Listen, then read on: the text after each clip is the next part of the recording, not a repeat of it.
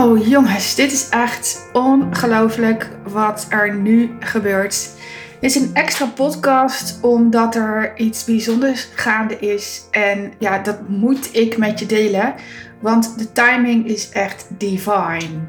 Ik weet niet of je iets over de wet van aantrekking weet, maar als je iets loslaat, en ik heb natuurlijk een paar weken geleden een podcast opgenomen waarin ik zei: Ik ben echt zo klaar met het verhaal van Lennart. En dat ben ik ook echt.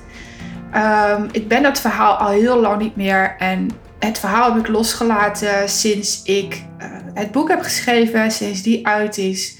En sinds die uit is, ben ik al, het is het nu anderhalf jaar of zo, bezig met ja, hoe dan wel mezelf te profileren. Wie ben ik dan zonder dat verhaal?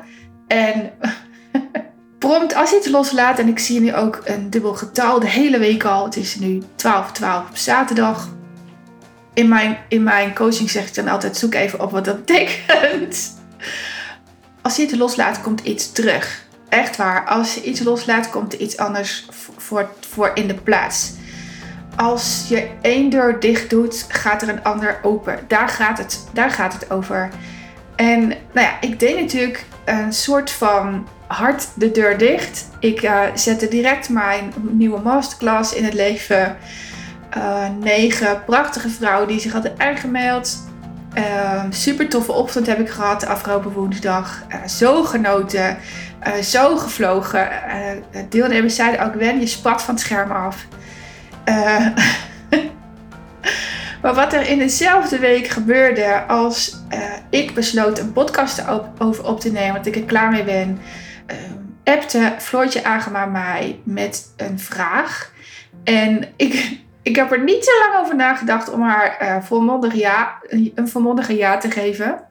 Uh, haar vraag was: uh, Wen, ik ga twitteren voor NL Zorg. Dat is een account die iedere week een andere zorgprofessional aan het woord laat. En ik wil heel graag vanuit mijn expertise, vanuit mijn werk in het mortuarium, de kinderkoeling brancard in het licht zetten. En toen dacht ik, oh ja, nu?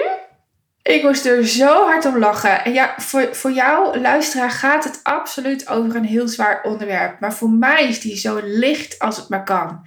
En klopt het zo dat dit stukje niet klaar is met mij? Ik kan wel klaar mee zijn, maar dit stukje is gewoon niet af, is niet rond. En ja, jullie weten natuurlijk allemaal dat Lennart's leven hartstikke rond was. Ik bedoel, uh, je, je, je um, geboorte, wou ik zeggen. Zoveel energie heb ik nu dat ik voorbij ga aan woorden. Hij werd geboren op 2 augustus, is ook gegaan op 2 augustus. En ik ben al een tijdje bezig met, ja, goh, uh, tien jaar zonder Lennart. Wat ga ik daarmee doen? Wat zet ik in de wereld? Wil ik überhaupt iets in de wereld zetten? Willen we een groot feest geven? Ehm, hij zou nu bijvoorbeeld uh, naar het voortgezet onderwijs gaan. Pakken we dat als reden om iets gaafs te doen? Of gaan we met z'n vieren uh, in een hotel? Nou ja, jullie weten, ik heb pubers. Die zitten echt niet te wachten om met papi en mami op pad te gaan. Want, want wij zijn vreemd, raar en doen, en doen raar. Uh, uh, geef ik dan een klein feestje voor degene die wil? Koop ik een ring voor mezelf? Geef ik de wereld iets? Nou, er waren allemaal opties. En toen Floortje de, mij de vraag stelde, stelde, dacht ik, wacht even. Het is logisch dat als ik mezelf iets afvraag, er ergens via een lijntje die je zelf niet kunt verzinnen, dit vertel ik dagelijks aan mijn klanten. Er is ergens een kiezelsteentje die je op te pakken hebt die jij nog niet ziet. Nou, deze was absoluut uit mijn uh, uh, leven. Uh, die je als, je niet, als je het niet gaat afvragen of als je het niet vraagt, niet bij je komt. Dus je moet in die afvraagmodus gaan staan, gaan leven. Ergens mag je het antwoord verwachten. Nou ja, voor mij was dat dus nu. En nu is twee weken geleden. Uh, toen dacht ik, oh wauw, ik geef die kinderkoelingbrancard aan de wereld. Want die had voor mij absoluut het verschil gemaakt. En ik, en ik ik, ik moet even benning geven aan waar het dan om gaat. De dag dat ik Lennart vond, op 3 augustus, dan moet je weten, als, als een kind thuis komt te overlijden, moet er altijd een schouwarts bij om te uh, onderzoeken of het een uh, natuurlijke dood is.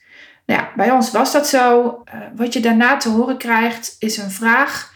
Wil je um, je kindje laten onderzoeken op de oorzaak dat hij is overleden? Kijk, de waarom weet ik. Leonard is zo loyaal geweest aan mij. Hij is gegaan om mij het leven te geven. Echter, de, de op aarde oorzaak, zeg maar, de niet-spirituele oorzaak, die weten we tot op de dag van vandaag niet. Die wilde ik toen wel heel graag weten, omdat ik um, ja, al een half jaar, of eigenlijk al in de zwangerschap, maar anderhalf jaar heb ik er niet aan gedacht. Vanaf uh, eh, 8 februari 2011, toen ik me ziek meldde, wist ik, wist ik 99% zeker dat die zou gaan. En ik wilde dat, ik, ik wilde heel graag op papier hebben wat dan de oorzaak was. Dat is nooit gelukt en daar ben ik ook echt oké mee. Ik heb daar vrede mee. Het is prima. Ik leef een fantastisch leven. Ik ben onwijs gelukkig. Uh, mijn gezondheid gaat steeds beter. Ik kan mijn arm ook steeds weer beter gebruiken. Ik kan hier in huis weer dingen doen. Ik, ik kan weer wandelen. Dus weet je, voor mij is het. Nou, ik heb prachtige klanten. Voor mij is mijn leven echt op dit moment perfect. Maar toen, toen, toen wilde ik gewoon echt graag dat papiertje.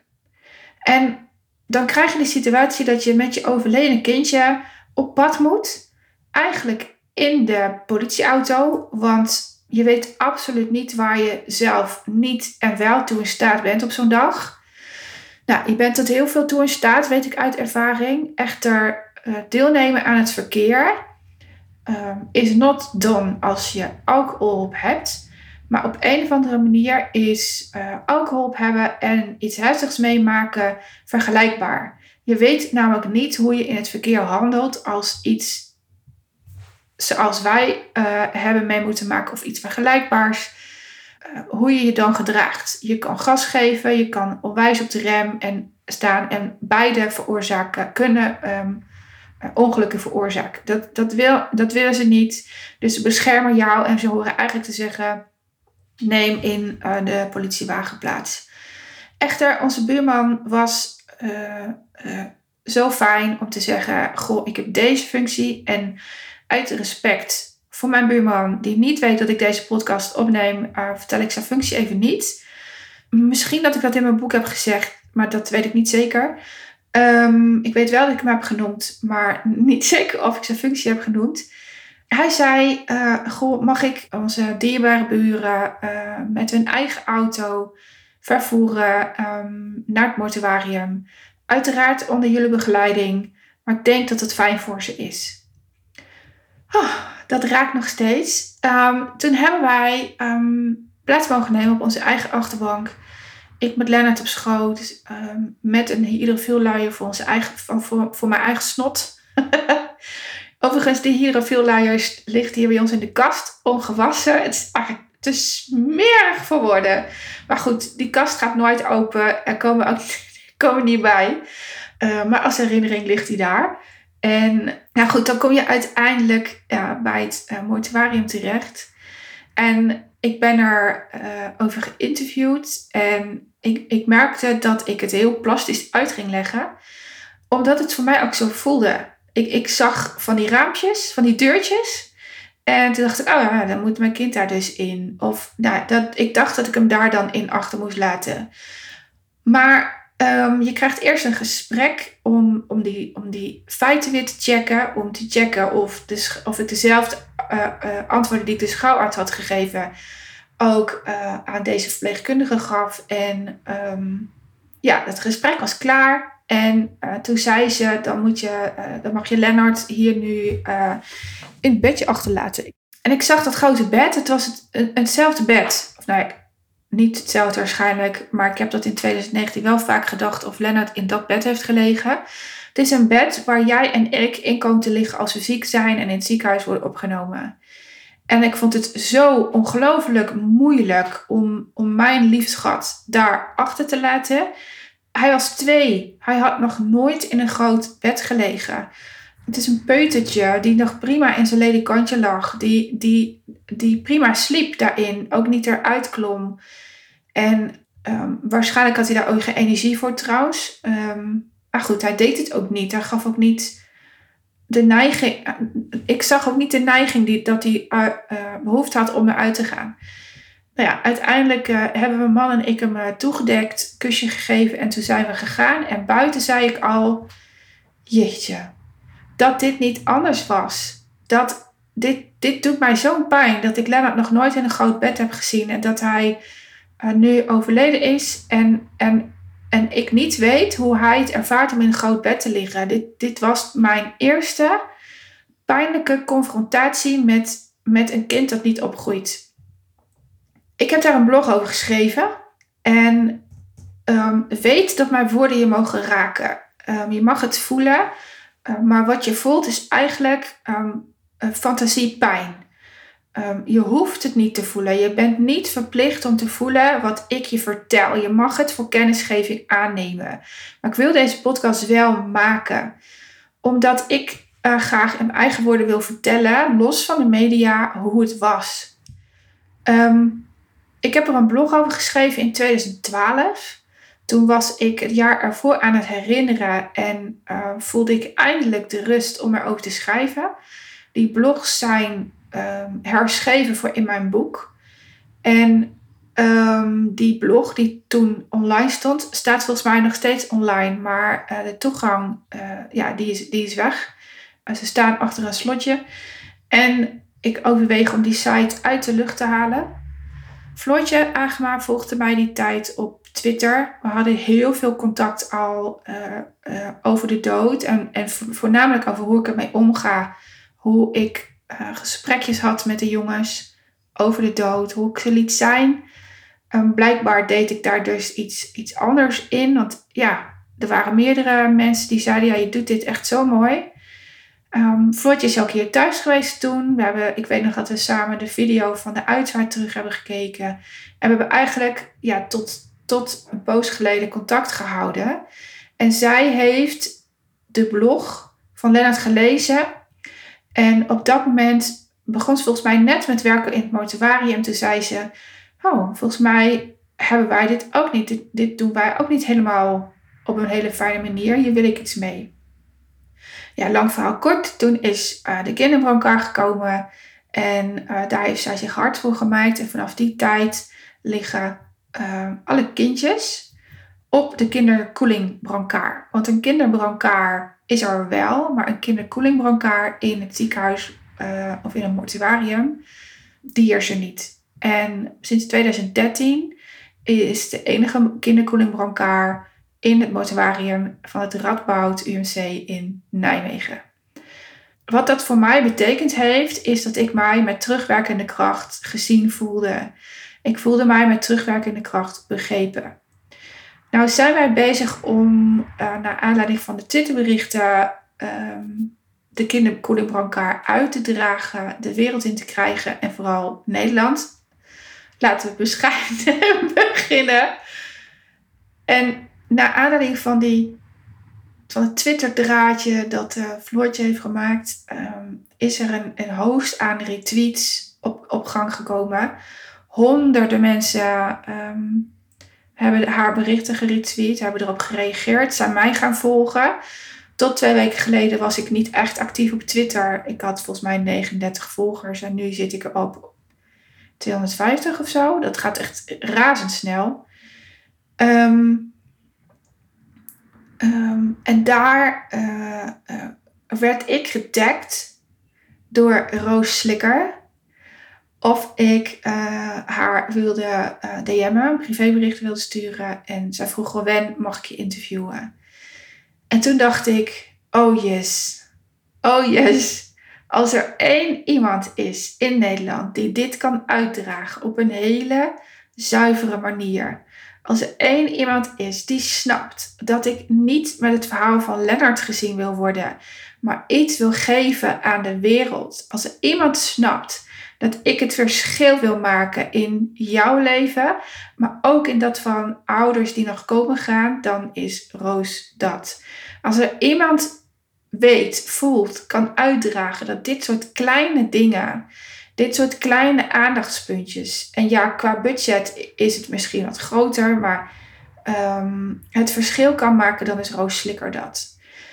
Nou moet je weten dat als je zoiets twittert en het, en het heel vaak wordt geretweet en daar mensen op gaan reageren met wauw, wat is dit bijzonder, dan komt er een hoos aan media uh, op je af. En godzijdank heb ik op de communicatieafdeling van de gemeente gewerkt.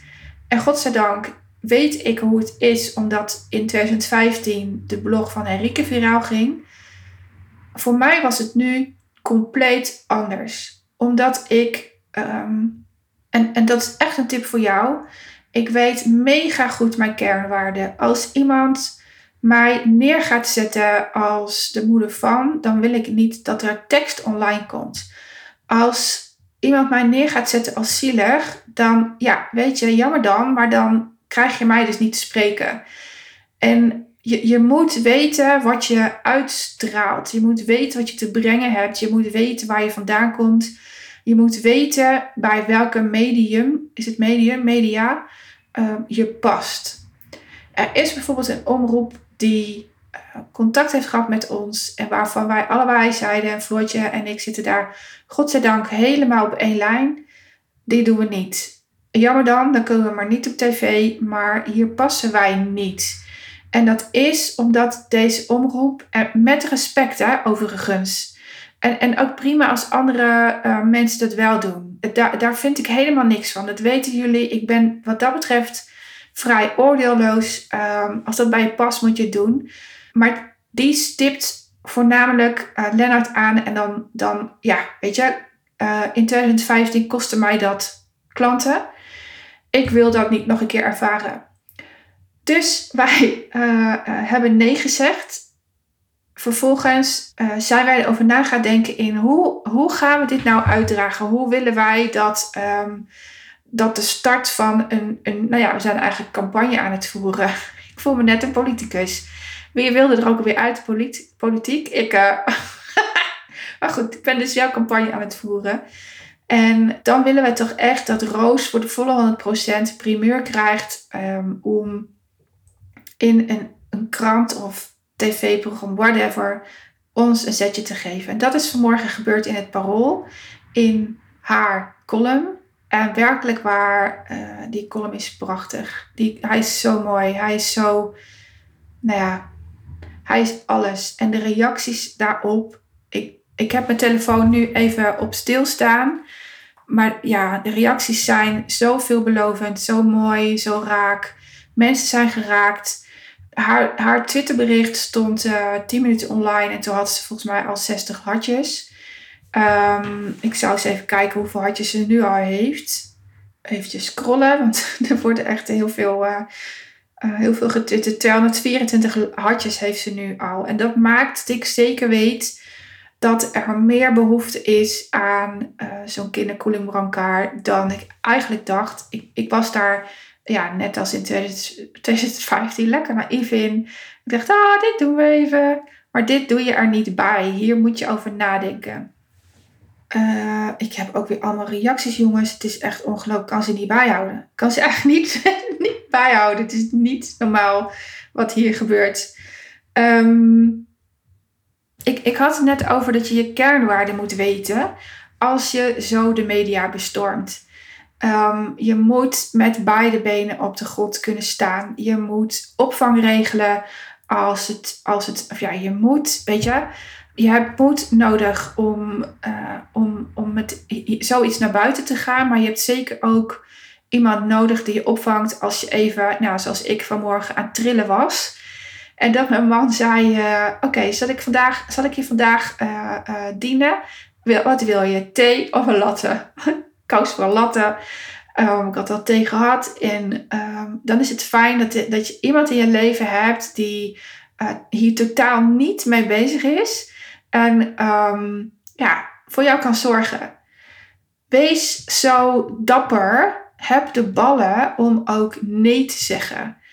Want nou, ik pas niet overal met mijn soms achterlijke gedrag en met mijn visie en met mijn missie. En um, wat ik al zei, ik, ik wil absoluut niet in een tv-programma of in een online artikel waarin um, Lennart voorop wordt gezet. Nou heb ik vanmorgen toestemming gegeven aan een journalist die uh, vroeg of hij een foto van Lennart mocht plaatsen. Um, hij voelde heel goed, hij voelde heel zuiver, hij voelde. Ja, ik werd gewoon heel rustig van hem. En dan weet ik, oké, dit komt goed. En ja, het verhaal van Lennart is absoluut een bedding om voor mensen te snappen um, wat het verschil maakt. Dat, het, dat die brancard ook echt het verschil maakt. Maar het hoeft niet te. Het hoeft niet te. En ik denk dat hij dat ook kan. Maar het maakt dus uit wie je spreekt. Het maakt uit welke journalist over jou schrijft. Nou zit ik niet in die wereld en weet ik nooit, en het is nu 1, 2, 3, 4. Dat is ook zo'n bijzonder getal. Um, het gebeurt hè jongens, dit gebeurt echt live. Dit is, dit is wat ik dus nu de hele dag zie. Ik, ik, en ik heb er een hekel aan om te zeggen dat, dat een veertje een teken is. En voor sommige mensen zal dat ook absoluut wel zo zijn. Maar dit gevoel wat ik heb, heb ik zo lang niet gehad. Alles klopt, alles valt in elkaar. Uh, uh, ik, ik heb ook een energie. Ik, ik, tot een maand geleden lag ik het liefst om 9 uur in bed. En om 12 uur denk ik nu, nou, ik ga maar eens naar boven. Ik weet niet wat me overkomt. Dit is zo genieten, jongens. Dit is zo gaaf. En dan zie ik het nu tijdens deze uh, podcast 1, 2, 3, 4 worden. Dat is, nou, weet je, daar heb ik dan geen woorden voor. Dat ik denk, ja, waarom zie ik de hele dag die, die dubbele getallen? Dit is bizar. Het is echt bizar. Um, ik ben dus ook acuut mijn draadje kwijt. Um, maar dat boeit niet. Jullie weten hoe ik ben. Um, misschien ook niet. Misschien luister je deze podcast voor het eerst. En uh, mijn, mijn brein denkt echt razendsnel. Oh ja, maar heb ook de ballen dat als het niet goed voelt, je um, alsnog zegt: nee, dit wordt niet geplaatst. En heb de ballen, de, de vraag om of je eerst de tekst mag lezen. Bij alles wat wij doen, vragen wij voor plaatsing: laat de tekst even lezen. Uh, ik wil erachter kunnen staan. Ik moet het uitdragen, dus ik wil ook weten wat je schrijft. En nou ja, toen ik de column van Roos terugkreeg, dat was op maandag al. Ik, nou ja, je mag weten, ik, ik liep helemaal leeg. Ik vond het zo mooi, ik vond het zo zuiver, spot on, nul slachtoffertekst. Iedere zin klopt. Ja, weet je, gecombineerd met, met, met haar berendekentje. Ja, weet je, het, het, nou, ik, ik, ik weet niet zo goed woorden aan te geven, maar het, was, het klopt gewoon. En, en ja, dan weet ik, die, die, dit is oké, deze kan ik uitdragen, deze kan ik delen, deze kan ik uh, trots op zijn. Dit is een samenwerking die past. En um, vanmorgen toen ik wakker werd, ik, ik werd pas om half negen wakker, dat gebeurt me eigenlijk nooit, heb ik direct mijn, mijn telefoon geopend. Doe ik ook nooit. Ik ben iemand die eerst opstaat en dan pas haar telefoon checkt.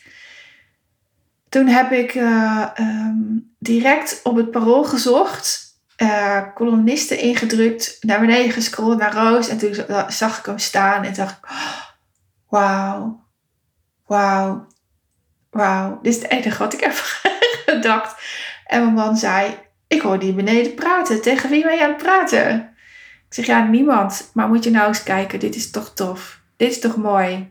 En, en, en wat ik wat ik nu hoop is um, dat als je, de, als medewerker bent van een mortuarium, of als je iemand weet die er werkt, of als je in een ziekenhuis werkt, als je dichtbij mensen bent die te maken hebben met onderzoek, of um, als je dichtbij mensen bent die uh, in, in mortuaria werken, of je dan alstublieft de blog van Roos wil delen of mijn blog die op www.wendymarsman.nl staat.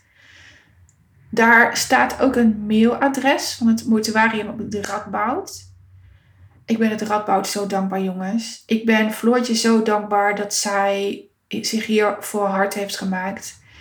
Ik ben het Radboud zo dankbaar dat ze geld hebben geïnvesteerd. Dat ze het belangrijk genoeg vonden om geld te investeren, budget te investeren in het zien van hun klanten. Je, ja, je bent nou eenmaal klant. In het zien van de mens achter een overlijden. In het, in het meevoelen met het verdriet wat een, een ander nog krijgt nadat je in het mortuarium bent geweest. Je kan daarom mailen naar het mortuarium even, ik moet even de mailadres checken voordat ik um, roep. Um, voor meer informatie. Of je dan, of je de ballen hebt, om in Wendy taal te spreken. Of je de ballen hebt om dan ook daadwerkelijk in actie te komen. Het mortuarium, het radboudumc.nl te mailen naar meer info hoe je en waar je en welke formaten je te bestellen hebt, zodat je en de mens ziet en zelf die brancard gaat aanschaffen. Mijn wens is echt, en het komt weer uit mijn tenen, dat elk ziekenhuis, elk mortuarium een kinderkoeling brancard heeft. Want kinderbrancards die zijn er, maar kinderkoelingbrancards waar die kleine kindjes, uh, zoals Lennart en nog kleiner, in kunnen liggen ehm, voor onderzoek of omdat ze even worden afgegeven door ouders, zodat ze thuis de zaak op orde kunnen krijgen, zodat het kindje thuis kan uh, liggen. Ehm, het is zo mooi. Ik heb het hier al wel vaker over gehad, want leed kan ik niet verzachten. In deze situatie zou ik dat voor de 100% willen. Jullie weten dat ik leed zie als ontwikkelkans. Het is echt gratis persoonlijke ontwikkeling. Echter, ja, weet je, dit leed, dat gun ik niemand. Dit leed is zo intens, is zo vermoeiend, is zo. Het stopt alles. Dat, dat, dat, ja, weet je, dat zou ik het liefst uit die mensen willen halen. Ik zou het liefst willen voorkomen, dat gaat niet. Wat ik wel kan doen, is dat ik ervoor zorg dat geen enkele ouder zich nog zo verloren voelt op het moment dat je je kostbaarste bezit. En, en voor ons was dat Lennart op, op dat moment in een mortuarium achter moet laten in, in, in een veel te groot bed. Een bedje op maat het neemt echt niet de pijn weg. Maar ik weet zeker dat het de stappen die je als ouders hebt te zetten wel iets draaglijker maken. En, en dat ik en de professionals die, die ze opvangen wel aangeven: we snappen jullie, we begrijpen jullie, we zien jullie. Uh, we willen het, het zo goed mogelijk voor jullie doen. Wow, dat zou voor mij echt het verschil maken in, in deze wereld. Dat zou voor mij het grootste cadeau zijn voor de wereld als het gaat om 10 jaar leven zonder Lennart.